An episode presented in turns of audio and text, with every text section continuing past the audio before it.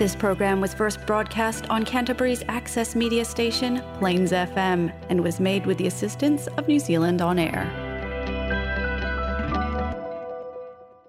Namaste Nepal. Namaste Nepal.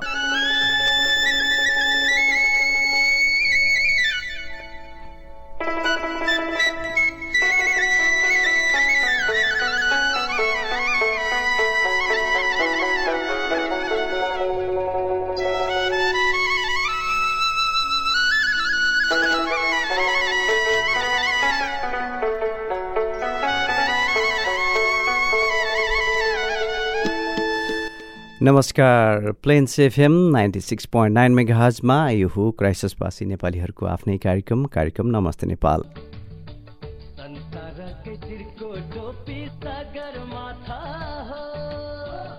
हजुर श्रोता विशेष गरी विदाको समयमा के गर्दै हुनुहुन्छ कस्तो हुनुहुन्छ यहाँहरू? हामी नयाँ वर्षमा पनि आउनै लाग्दाखेरि सन् दुई हजार एक्काइसको नमस्ते नेपालको अन्तिम कार्यक्रम लिएर यहाँहरूको घर आँगन रेडियो सेटमा सधैँ चाहिँ म विनोद उपस्थित भइ नै सकेको छु। त्यसैले आजको रेडियो कार्यक्रममा पनि वा भनौँ सन् दुई हजार एक्काइसको यो अन्तिम कार्यक्रम सुनेर मलाई साथ दिइरहनुभएका सम्पूर्ण श्रोताहरूलाई म सधैँ चाहिँ हार्दिक स्वागत नमस्कार टक्राउँदछु श्रोता नयाँ वर्षको आगमन हुँदै गर्दाखेरि सन् दुई हजार एक्काइस विशेष गरी कोरोनाले हामीलाई धेरै अप्ठ्यारो पार्यो। कतिका परिवारहरूमा अलि अप्ठ्यारो नै सिर्जना भयो होला। यी यस्तै खालका खबरहरू पनि छन् थिए। यी सबै कुराहरूबाट पनि हामी मुभ डन जस्तो पनि भइ नै सकेका छौँ। आउँदा दिनहरू सुनौला बनुन्। त्यसैले सन् दुई हजार एक्काइसको यो अन्तिम कार्यक्रमलाई त्यस्तै हिसाबले लिने होला भन्ने अनुरोध पनि गर्न चाहन्छु। त्यस्तै श्रोता हामीले नेपालीहरूसँग जोडिएका नेपालीहरूसँग जोडिएका अभिरुचि भएका विशेष सामग्रीहरूलाई पनि कार्यक्रममा हामीले समावेश गर्दै आइरहेका छौँ अनि विशेष व्यक्तित्वहरूसँग पनि हामीले कार्यक्रम नमस्ते नेपालमा कुराकानी गर्दै आइरहेका छौँ। यसै क्रममा आजको कार्यक्रम सन् दुई हजार एक्काइसको अन्तिम कार्यक्रम भए पनि अलिकति विशेष कार्यक्रम बनाउनका लागि आजको कार्यक्रममा एकजना अतिथिलाई पनि निम्ता गरेको छु। हुन त क्राइसिसभन्दा अलिकति टाढा टोरङ्गमा रहनुभएका आत्मराम खनाल आजको कार्यक्रममा हुनुहुन्छ। उहाँ नेपाली अवैतनिक मा वाणिज्य दूतावास न्युजिल्यान्डको वा भनौँ वाणिज्य दूत हुनुहुन्छ। आजको कार्यक्रम नमस्ते नेपालमा वाणिज्य दूत खनालसँग गरिएको कुराकानीको क्रमलाई सुरुवात गर्न लागिरहेको छु। वाणिज्य दूत खनालजी यहाँलाई कार्यक्रम नमस्ते नेपालमा हार्दिक स्वागत गर्दछु। धन्यवाद विनोदजी। मलाई आज यस नेपाल न्युजिल्यान्ड फ्रेन्डसिप सोसाइटीद्वारा सञ्चालित नमस्ते नेपाल कार्यक्रममा रूपमा आज बोल्ने मौका दिनुभयो। यहाँलाई म धेरै धेरै धन्यवाद दिन चाहन्छु। विशेष आजको कार्यक्रम अलिकति सूचनामूलक जानकारीमूलक होस् भन्ने पनि आशा गरेको छु। हाम्रो यो अवैधानिक मा वाणिज्य दूतावास न्युजिल्यान्डको स्थापना कसरी भयो यसैबाट सुरुवात गरौँ न आजको कुराकानीलाई। हाम्रो यस नेपाली अवैधानिक वाणिज्य दूतावास न्युजिल्यान्डको तारुङ्गाको अफिसको विधिवत स्थापना तेइस डिसेम्बर दुई हजार बिसमा भएको हो। र म सम्पूर्ण न्युजिल्यान्डमा निवासी सम्पूर्ण दाजुभाइ दिदीबहिनीहरूमा के अवगत गराउन चाहन्छु भन्दा नेपाली अवैधानिक वाणिज्य दूतावास पहिलेदेखि नै न्युजिल्यान्डमा काम गरिरहेको छ। यो पहिलो होइन। र योभन्दा पहिला पनि विभिन्न तपाईँको अवैधानिक वाणिज्य दूतले न्युजिल्यान्डमा सेवा दिइरहनु भएको थियो।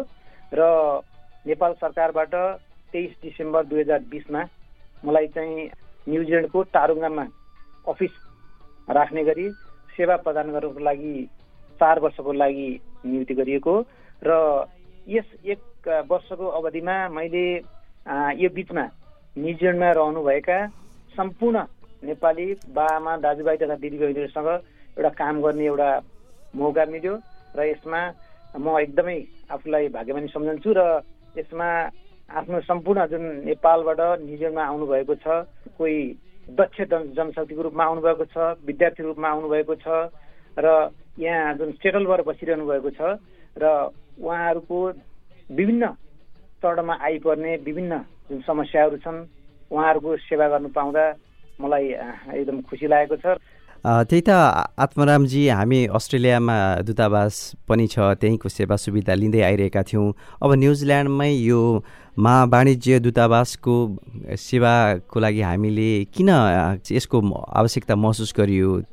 एकदम राम्रो प्रश्न गर्नुभयो विनोदजी यसमा चाहिँ के छ भन्दाखेरि न्युजिल्यान्ड लगायत फिजी वा न्युगिनी लगायत यो जुन हाम्रो पेसिफिक आइल्यान्डमा भएका जुन कन्ट्रीहरू छ सबै ओभरअल रूपमा नेपाली दूतावासले क्यानबेराबाट हेर्दै आइरहेको छ। यसमा चाहिँ विशेष गरी न्युजिल्यान्ड न्युजिल्यान्डमा अस्ट्रेलिया पछिको सबभन्दा धेरै नेपालीहरू बसोबास गर्ने हाम्रो यो न्युजिल्यान्ड नै हो। यस यसमा चाहिँ हामी नेपालीलाई अब किन अस्ट्रेलिया हामी नजिक भएर पनि अलिकति किनभने अब यहाँ बस्ने नेपालीहरूले अलिकति सेवा सुविधाहरू पाउन अलिकति गाह्रो भएको अनुभूति यो बिचमा भइरहेको थियो र यसमा चाहिँ यो हाम्रो नेपाली अवैधानिक बाँडे दूतावास यहाँ स्थापना भएपछि र हामीले यहाँ भएका नेपाली जुन नेपालीहरू बिच आइपर्ने विभिन्न समस्याहरू दैनिक रूपमा आउने समस्याहरू अब र हामी अवैधानिक बाँडे दूतावास नै भएको खण्डमा हामीलाई एउटा सुविधा के भएको छ भन्दा केही समस्या परे परेमा तुरुन्तै उहाँहरूले चाहिँ अवैधानिक बाँडे दूतावासमा सम्पर्क गर्नुहुन्छ र हामीले त्यसलाई चाँडोभन्दा चाँडो यहाँ समस्या समाधान हुँदैछ नि यहीँ गर्न सक् गर्छौँ। यदि हामीले यहाँबाट गर्न नसक्ने समस्याहरू छन् भने हामी माथिल्लो लेभल भनेको हाम्रो नेपाली राजदूतावासमा त्यसलाई पुर्याएर दूतावास मार्फत माथि मन्त्रालयसम्म यो पुर्याउने काम अहिले भइरहेको छ।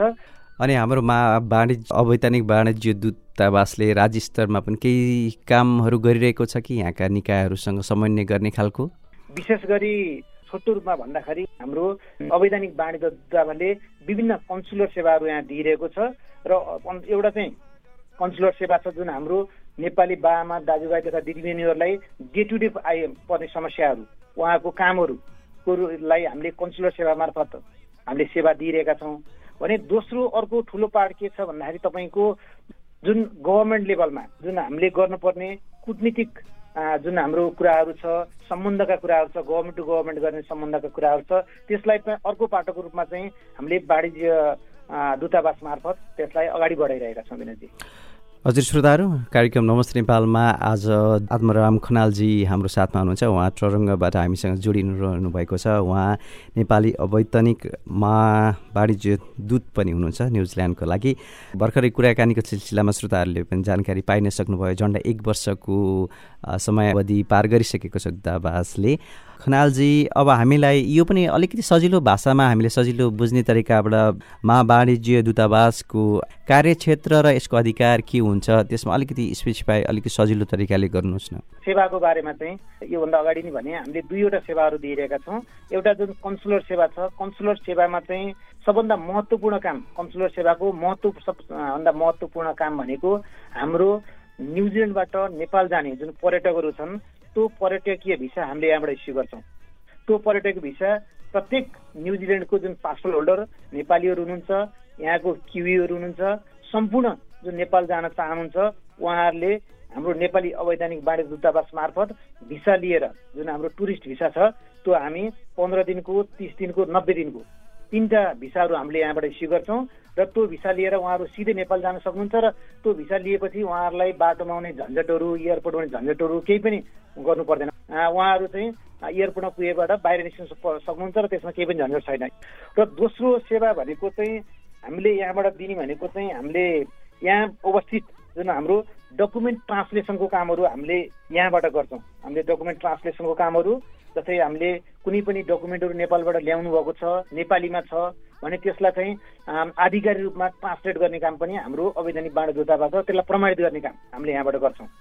अनि तेस्रो काम भनेको हामीले एटेस्टेड र सर्टिफिकेसन र विटनेसको जुन डकुमेन्ट हो त्यो काम चाहिँ हामीले अवैधानिक बाँड दूताबाट त्यो पनि काम अहिले सेवा दिइरहेका छौँ।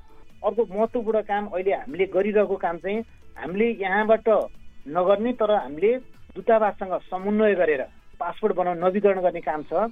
सम्पूर्ण न्युजिल्यान्डमा भएका नेपालीहरू जो हुनुहुन्छ जो नेपाली पासपोर्टहरू हुनुहुन्छ उहाँको पासपोर्ट यदि एक्सपायर हुन लागेको छ भने तुरन्त उहाँहरूले अवैधानिक बाँडे दूतावासमा सम्पर्क गर्न सक्नुहुन्छ र हामीले त्यो उहाँहरूलाई चाहिने डकुमेन्टहरू पासपोर्ट रिन्यू गर्दा चाहिने सम्पूर्ण डकुमेन्टहरू यो यो डकुमेन्ट तपाईँलाई चाहिन्छ यो तयारी गरेर अवैधानिक बाँडे दूतावासमा यहाँ पठाउनुहुन्छ उहाँहरूले र यहाँबाट सम्पूर्ण पासपोर्टको एप्लिकेसन फर्म सबै हामीले यहाँबाट नेपाली राजदूतावास क्यानबेरा जान्छ क्यानबेराबाट काठमाडौँ जान्छ र काठमाडौँबाट बनेर त्यो पासपोर्ट फेरि क्यानबेरा आउँछ क्यानबेराबाट फर्किएर फेरि अवैधानिक बाँडे दूतावासमा आउँछ र हामीले यहाँबाट पुनः जुन हाम्रो पासपोर्ट बनाउने व्यक्ति हुनुहुन्छ उहाँको घरसम्म चाहिँ पुर्याउने व्यवस्था गरेका छौँ अहिले चाहिँ। र उहाँहरूलाई यो बिचमा आउने झन्झटहरू अहिले केही पनि छैन। त्यो चाहिँ व्यवस्था चाहिँ अब पहिला अस्ट्रेलिया एम्बेसीमा कन्ट्याक्ट गर्नुपर्ने। त्यो कन्ट्याक्ट गर्दाखेरि अब उहाँहरूलाई चाहिँ अब विभिन्न कम्युनिकेसनको ग्यापहरू फर्म बिग्रिने बिग्रिएर फेरि यहाँ आउनुपर्ने। त्यो एकदम झन्झट थियो र अनि त्यो झन्झटबाट अलिक मुक्ति भएको छ। र दोस्रो कुरा व्यवस्था के गरिएको छ भन्दाखेरि यो पासपोर्ट बनाउँदा लाग्ने जुन राजस्व हो नेपाली राजस्व अहिले हामीले यहीँ न्युजिल्यान्डको कन्सुलेटको एकाउन्ट नम्बरमा डिपोजिट गर्ने व्यवस्था गरिएको छ। र त्यो पासपोर्ट होल्डरले अब त्यो पैसा चाहिँ राजदूतावासको एकाउन्टमा नबुझाइकन यहीँ जम्मा गर्न सक्नुहुन्छ। एकदम झन्झटिलो के छ भन्दाखेरि अस्ट्रेलियन एम्बेसीमा क्रेडिट कार्डको फेसिलिटी छैन। उहाँहरूलाई चाहिँ पैसा पनि उहाँहरूले चाहिँ अनलाइन पे गर्न सक्नुहुन्न। र अर्को कुरा चाहिँ अब पासपोर्ट आउने जाने हामीले डिएसएफको फास्ट सम्पूर्ण सेवाहरू यहाँको दैनिक रूपमा चाहिँ कुरियर सर्भिस व्यवस्था गरेका छौँ कन्सुलेटबाट साह्रै नै सकारात्मक र उत्साहजनक खबर सुनाउनु भयो हाम्रो लागि। जानकारी भनौँ विशेष गरी अस्ट्रेलिया राजदूतावासमा सम्पर्कदेखि लिएर विभिन्न खालका झमेलाहरू हामी आफैले पनि व्यक्तिगत रूपबाट महसुस गरिरहेको अवस्थामा कौन्सिल अफिस यहाँ आइसकेपछिका सेवा सुविधाहरूले पनि निश्चय नै हाम्रा समस्याहरू दैनिकीहरूलाई सम्बोधन गर्छ भन्ने अपेक्षा हामीले लिएका छौँ। अनि आत्मरामजी अब हामीले अघि यसको सेवाहरूको विषयमा त चर्चा गऱ्यौँ। अब तर यो सेवाका शर्तहरू अनि शुल्कहरू के के कस्ता खालका छन्? यही हो शीर्षकमा यो यो भन्ने छ। हामीले बुझ्न सजिलै सकिने हिसाबको। एकदम एकदम पारदर्शी रूपमा छ। यसमा चाहिँ त्यसमा केही पनि झन्झटिलो छैन।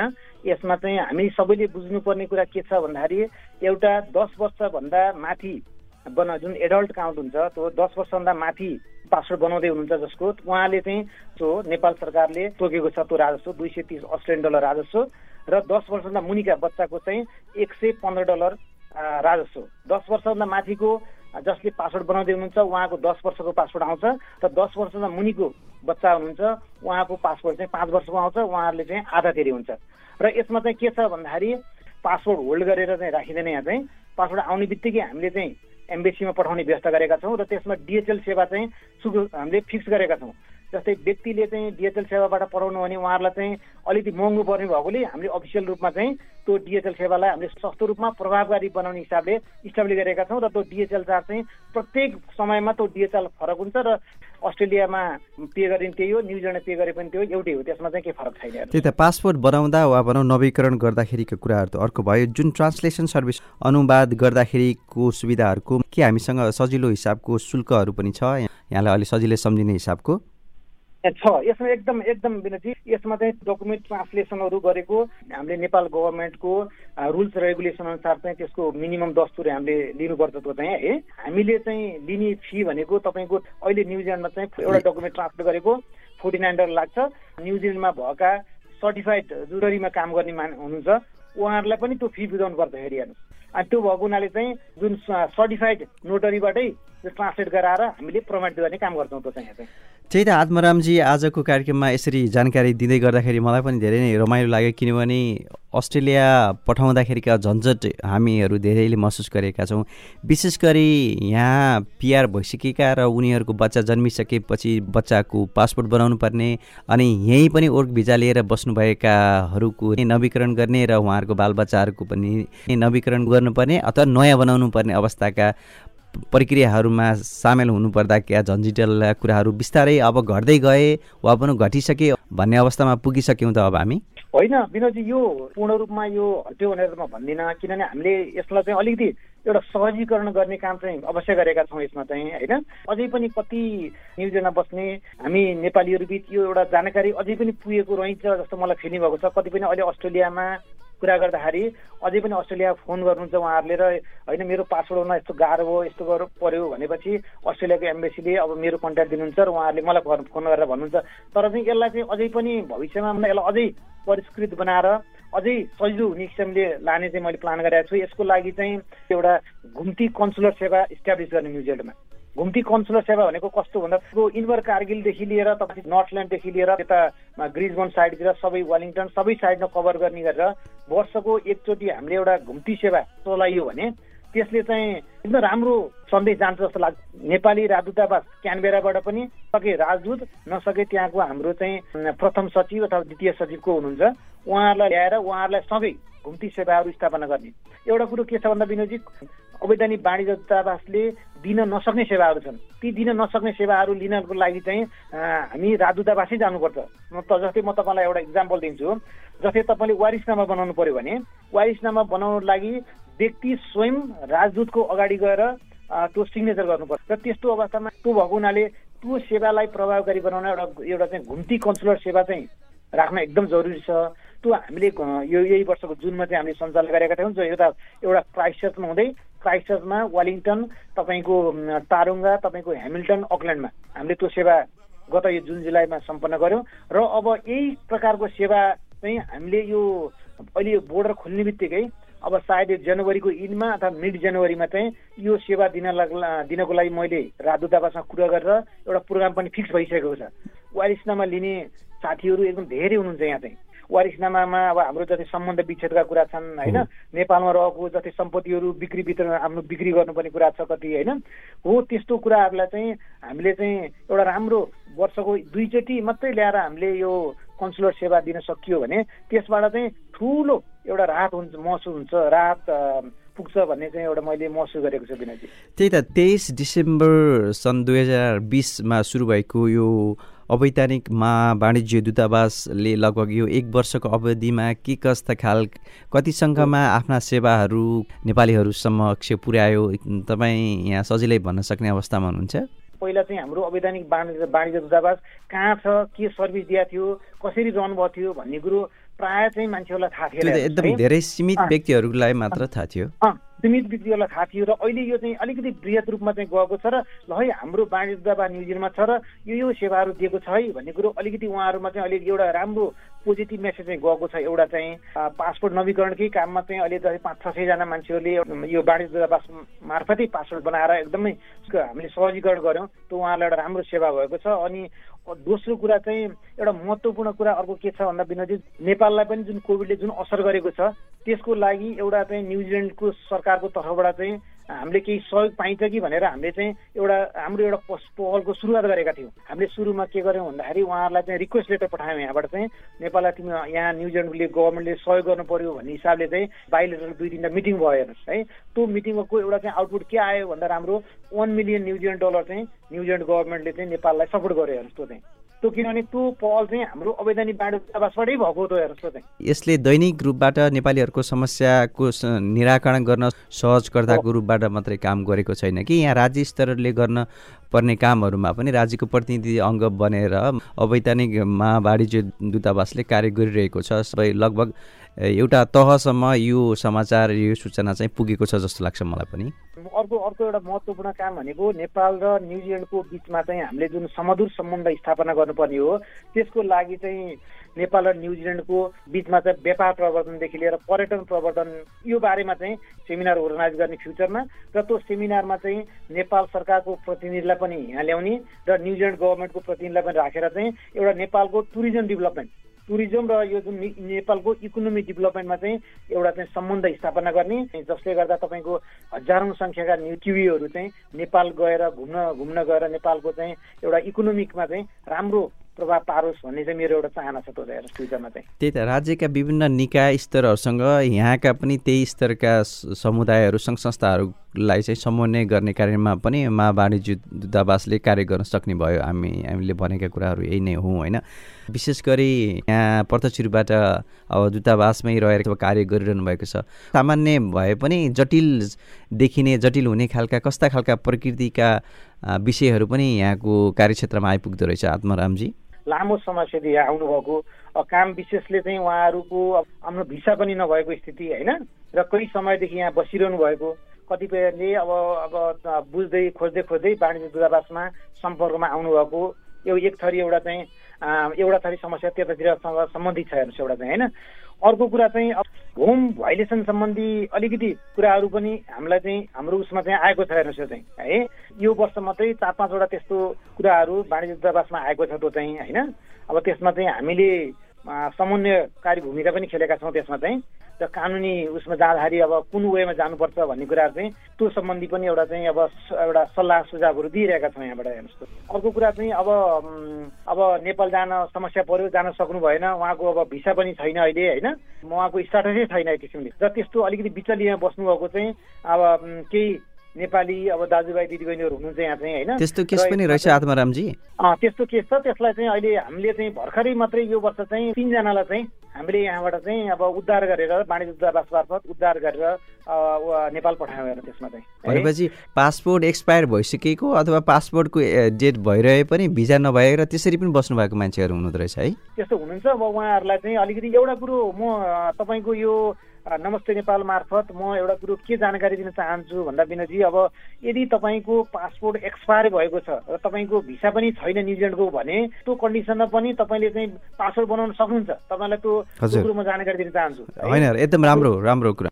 किनभने तपाईँ बाणिज्यसँग सम्पर्क गर्नुहोस्। तपाईँको पासपोर्ट बन्छ तपाईँको भिसा नभए पनि न्युजिल्यान्डमै बसेर तपाईँको पासपोर्ट बढेर आउँछ। यो वर्ष मात्रै तपाईँको पाँचजना त्यस्ता मान्छेहरूको पासपोर्ट बनेर आयो नेपालबाट हेर्नुहोस् है। र त्यसको लागि केही कागजी प्रक्रियाहरू पुऱ्याउनु पर्छ र त्यसको लागि वाणिज्य दूतावास तपाईँहरूलाई सहयोग गर्न तयार छ हेर्नुहोस्। साह्रै नै यो सहयोगी र सजिलो खालको सेवाका कुराहरू पनि यहाँले आज सेयर गर्नुभयो। श्रोताहरू plains FM ninety six point nine mega हजमा आजको कार्यक्रममा विशेष गरी हामी सन् दुई हजार एक्काइसको अन्तिम कार्यक्रम भनिरहेका छौँ। पनि अलिक बढी नै जानकारीमूलक कार्यक्रम भइरहेको छ। कन्सुलेट सजिलो भन्दाखेरि वाणिज्य दूत आत्मराम खनाल आज हाम्रो कार्यक्रममा हुनुहुन्छ। आत्मरामजी यहाँको लगभग एक वर्ष कार्यकाल पुरा भएकोमा पनि यहाँलाई बधाई छ। आउँदा दिनहरू पनि सहज रूपबाट अघि अगाडि बढिरहन् र नेपालीहरूले अझ बढी सेवा र सुविधाहरू प्राप्त गर्दै जाउन्। प्राइभेसीको कुराहरू पनि बिचमा एक जसो आए जस्तो लाग्यो। कन्सुलेट पनि एक किसिमको दूतावासकै सर्भिस हो हुन त। यहाँ धेरैले आफ्नो पासपोर्टका इन्फर्मेसनहरू सहकार्य गरिरहेको संस्था मार्फत राज्यकै एउटा निकाय मार्फत फेरि दूतावासमै पठाउनु पर्ने भएपछि त्यहाँ अलिकति असजिलो मान्नेहरूको लागि होइन यसमा चाहिँ यहाँहरू ढुक्क हुनुहोस् भन्ने खालको केही आश्वस्त पार्ने खालको केही कुरा तपाईँबाट आउँछ कि? पासपोर्ट भन्ने चिज एकदम व्यक्तिको एकदम नितान्त व्यक्तिगत प्राइभेसीसँग रिलेटेड कुरा हो त्यो चाहिँ हेर्नुहोस् होइन। यसमा चाहिँ के छ भन्दाखेरि पुरानो पासपोर्ट र नयाँ पासपोर्ट टोटल्ली त्यसमा चाहिँ तपाईँको नम्बर पनि फरक हुन्छ। त्यो यो नमस्ते नेपालबाट सम्पूर्ण न्युजिल्यान्डमा निवासी बाआमा दाजुभाइ दिदीबहिनीलाई के भन्न चाहन्छु भन्दा तपाईँ विश्वस्त हुनुहोस्। तपाईँको पासपोर्टको प्राइभेसी कुनै पनि हालतमा तपाईँको यो प्राइभेसीलाई चाहिँ अब एक तलमाथि हुने दिने छैनौँ। र तपाईँको पासपोर्ट बनेर आएपछि राजदूतावासमा आउँछ। राजदूतावासले कन्सुलर अफिसमा पठाउँछ कन्सुलर अफिसर तपाईँबाट आउँछ होइन? व्यक्तिगत विवरण कतिको त्यो मिस्टेक भएर आयो भने के भन्दा उहाँहरूको त प्राइभेट इन्फर्मेसन मिस्टेक भएर आयो भने त उहाँहरूको त पछि फेरि अर्को रिपासपोर्ट बनाउनु पर्ने हुन्छ। र त्यो सवालमा चाहिँ एकताल भेरिफाई गरेर सम्बन्धी व्यक्तिलाई पठाउनु पर्ने हुन्छ त्यो चाहिँ हेर्नुहोस् होइन? र यदि गलत गर्दा उहाँको जन्ममिति गलत छ कि नाम गलत छ कि अथवा तपाईँको नागरिकता नम्बर गलत छ कि त्यो चिजहरू राम्रोसँग भेरिफाई गरेर ओके गरेपछि हामी सम्बन्धी व्यक्तिलाई पठाउँछौँ। पनि हामीले कन्सुलेट अफिसबाट पासपोर्ट पठाउँदा व्यक्ति बाहेक अरू कसैले पनि बुझ्न नपाउने पठाउँछ। त्यो चाहिँ है? यसमा तपाईँहरू ढुक्क भएको हुन्छ अनि आत्मरामजी योभन्दा अगाडि कन्सुलेटको काम चाहिँ यहीँको स्थानीय नागरिकले गर्दै आइरहनु भएको भए पनि थोरै सीमित व्यक्तिहरूलाई थाहा भएकै कुरा हो। उहाँ पछिको सेवा सुविधा कार्यभार लिइसकेपछि यहाँका स्थानीय निकायहरू अनि राज्य स्तरका निकायहरूसँगको यहाँको समन्वय हुँदै गर्दाखेरि कस्तो खालको प्रतिक्रिया पाउनु भएको छ यो एक वर्षको अवधिमा? विनोदजी यसमा चाहिँ के छ भन्दाखेरि हामीहरूको यहाँको न्युजिल्यान्डको फरेन मिनिस्ट्रीसँग हाम्रो चाहिँ सिधा रूपमा हाम्रो सम्पर्क हुन्छ होइन? उहाँको फरेन मिनिस्ट्रीको न्युजिल्यान्डको फरेन मिनिस्ट्रीको वेबसाइटमा पनि हाम्रो कन्सुलरको नाम ठेगाना इमेलहरू सबै राखेको छ होइन? चार महिना छ महिनामा जुम मार्फत हाम्रो चाहिँ एउटा मिटिङ हुन्छ त्यसमा चाहिँ हामीले आफ्नो एक्सपिरियन्सहरू सेयर गर्छौँ जस्तो चाहिँ होइन? मैले चाहिँ उहाँहरूलाई चाहिँ हाम्रो नेपाली कम्युनिटीको समस्याहरू यो यो छ र त हाम्रो चाहिँ तपाईँहरूले यो समस्या समाधान गरिदियो गरिदिनु भयो भने राम्रो हुन्थ्यो होइन? अफिसियल रूपमा चाहिँ प्रेजेन्ट गर्छौँ त्यसमा चाहिँ उहाँहरूले पनि अब त्यसमा टिपोटको रूपमा चाहिँ मैले काम गर्ने भनेको हाम्रो क्यानबेरा दूतावाससँग समन्वय गरेर उहाँहरूको फिडब्याक लिएर र यहाँका कुराहरू चाहिँ अब नयाँ कुराहरू आयो भने उहाँहरूलाई चाहिँ अब च्यानल थ्रु चाहिँ दूतावासमा जानकारी दिने र दूतावासले चाहिँ आएका जुन कुराहरू चाहिँ मैले यहाँ राख्ने कुराहरू चाहिँ यो भइरहेको छ विनोदजी आत्मरामजी अब हामी कार्यक्रम नमस्ते नेपालको लगभग अन्तिम अन्तिम चरणमा आइ नै सकेका छौँ। अनि हाम्रो यो मा वाणिज्य दूतावासले न्युजिल्यान्डका विभिन्न सहर क्षेत्रहरूमा छरिएर रहेका नेपालीहरूसँगको समन्वयको तर्फ पनि खास केही सोचेको छ कि हुन त यसको कार्यक्षेत्रभन्दा अलिकति बाहिरको कुरा भयो। चाहिँ हामीले विभिन्न नेपाली सोसाइटीहरू हुनुहुन्छ यहाँ विभिन्न ठाउँमा छ छ महिनामा चाहिँ अब चाँडै छ छ महिनामा चाहिँ एउटा जुम मिटिङ अर्गनाइज गर्छु र त्यो मिटिङमा चाहिँ प्रत्येक सोसाइटीका चाहिँ अध्यक्षहरूलाई त्यसमा राखेर चाहिँ हाम्रो यो कन्सुलर सेवाको बारेमा चाहिँ जानकारी दिने प्रयास गरिरहेको छु र यसमा चाहिँ योभन्दा अगाडि चाहिँ हाम्रो दुईवटा मिटिङ भइसक्यो। हजुर श्रोताहरू plains FM ninety six point nine मेगाजमा बेलुका आठ बजीदेखि सुरु भएको कार्यक्रम नमस्ते नेपालमा आज आत्मराम खनालजीसँग हामी कुराकानी गरिरहेका थियौँ। उहाँ सन् दुई हजार एक्काइसलाई लगभग विदा गरेर जाने बेला भइसकेको छ। यहाँलाई आउँदै गरेको सन् दुई हजार बाइसको धेरै धेरै शुभकामना विशेष गरी हाम्रो मा वाणिज्य दूतावासको कार्यशैली र कार्य अझ द्रुत स्तरमा बढेर जाओस्। सबै सुविधा नेपालीहरूले व्यावहारिक रूपबाट पनि महसुस गर्ने अवस्थामा पुगुन्। यहाँलाई कार्यक्रम नमस्ते नेपालमा आएर यसरी जानकारी दिनुभएकोमा हृदयदेखि नै धन्यवाद दिन चाहन्छु। हस् धन्यवाद दिनुहोस् अन्तिममा मैले एउटा कुरा छुटेछ है। म गैर आवासीय नेपाली सङ्घ न्युजिल्यान्ड छ। न्युजिल्यान्डमा धेरै त्यसमा आबद्ध हुने साथीहरू पनि हुन्छ। र त्यसमा चाहिँ यो एनआरएन आइडी कार्ड भन्ने छ त्यो लिनको लागि पनि तपाईँले चाहिँ तपाईँको नेपाली दूतावासमा तपाईँले एउटा तपाईँले निवेदन दिन सक्नुहुन्छ र त्यसबाट चाहिँ तपाईँहरूले चाहिँ विभिन्न फाइदाहरू लिन सक्नुहुन्छ। त्यो वेबसाइटमा पनि एम्बेसीको वेबसाइटमा लेखेको छ। यदि तपाईँलाई एनआरएनए आइडी कार्ड लिन यदि इच्छुक हुनुहुन्छ भने तपाईँले त्यो सेवा पनि हामी यो वाणिज्य दूतावास मार्फत हामी त्यो सम्पूर्ण डकुमेन्टहरू रेडी गरेर तपाईँले हामी राज दूतावासमा पठाइदिन्छौँ र त्यो बनेर तपाईँलाई आउँछ र त्यसबाट लिन सक्नुहुन्छ र अन्तिममा हाम्रो नेपाल न्युजिल्यान्ड फ्रेन्डसिप सोसाइटीद्वारा सञ्चालित नमस्ते नेपाल जुन कार्यक्रम जुन विनोदजीले सञ्चालन गर्नुभएको छ र उहाँलाई म यस कार्यक्रमको उत्तरोत्त प्रगति दिँदै हाम्रो जुन अब नयाँ वर्ष आउँदैछ दुई हजार बाइस र त्यो दुई हजार नौ वर्ष दुई हजार बाइसको उपलक्ष्यमा न्युजिल्यान्ड लगायत संसारभरि रहनुभएका सम्पूर्ण नेपालीहरूमा हार्दिक शुभकामना दिन चाहन्छु। हस्त आदबरामजी यहाँको व्यक्तिगत र पारिवारिक जीवन सफल रूपबाट अगाडि बढोस् भन्ने शुभकामना व्यक्त गर्दै यहाँसँग म छुटिन्छु। श्रोताहरू plains FM ninety six point nine मेगाजमा कार्यक्रम नमस्ते नेपालको आजको अङ्क यति नै। सन् दुई हजार बाइस यहाँहरूको रमाइलो तरिकाले स्वागत योग्य तरिकाले अगाडि बढ्न सकोस् भन्ने शुभकामना पनि आजको कार्यक्रममा व्यक्त गर्दै सन् दुई हजार एक्काइसमा साथ दिनुभएकोमा यहाँहरूप्रति सधैँ नै कृतज्ञता छु। आगामी वर्षहरूमा पनि यहाँहरूको उत्साहजनक साथ सहयोगको अपेक्षा राख्दै म विनोदलाई पनि आजको बसाइबाट आज्ञा दिनुहोस्। नमस्कार शुभरात्रि। यही देशको सीमाभित्र मैले जन्म लिएँ। गोर्खालीको सन्तान भनी गर्व गर्यो थिएँ। जन्माएको आमाले हो घाँस काट्दा काट्दै बाउको जीवन यसै गयो दुःख सार्दा सार्दै हामीलाई के नै सुख छ सक्नेले नसक्ने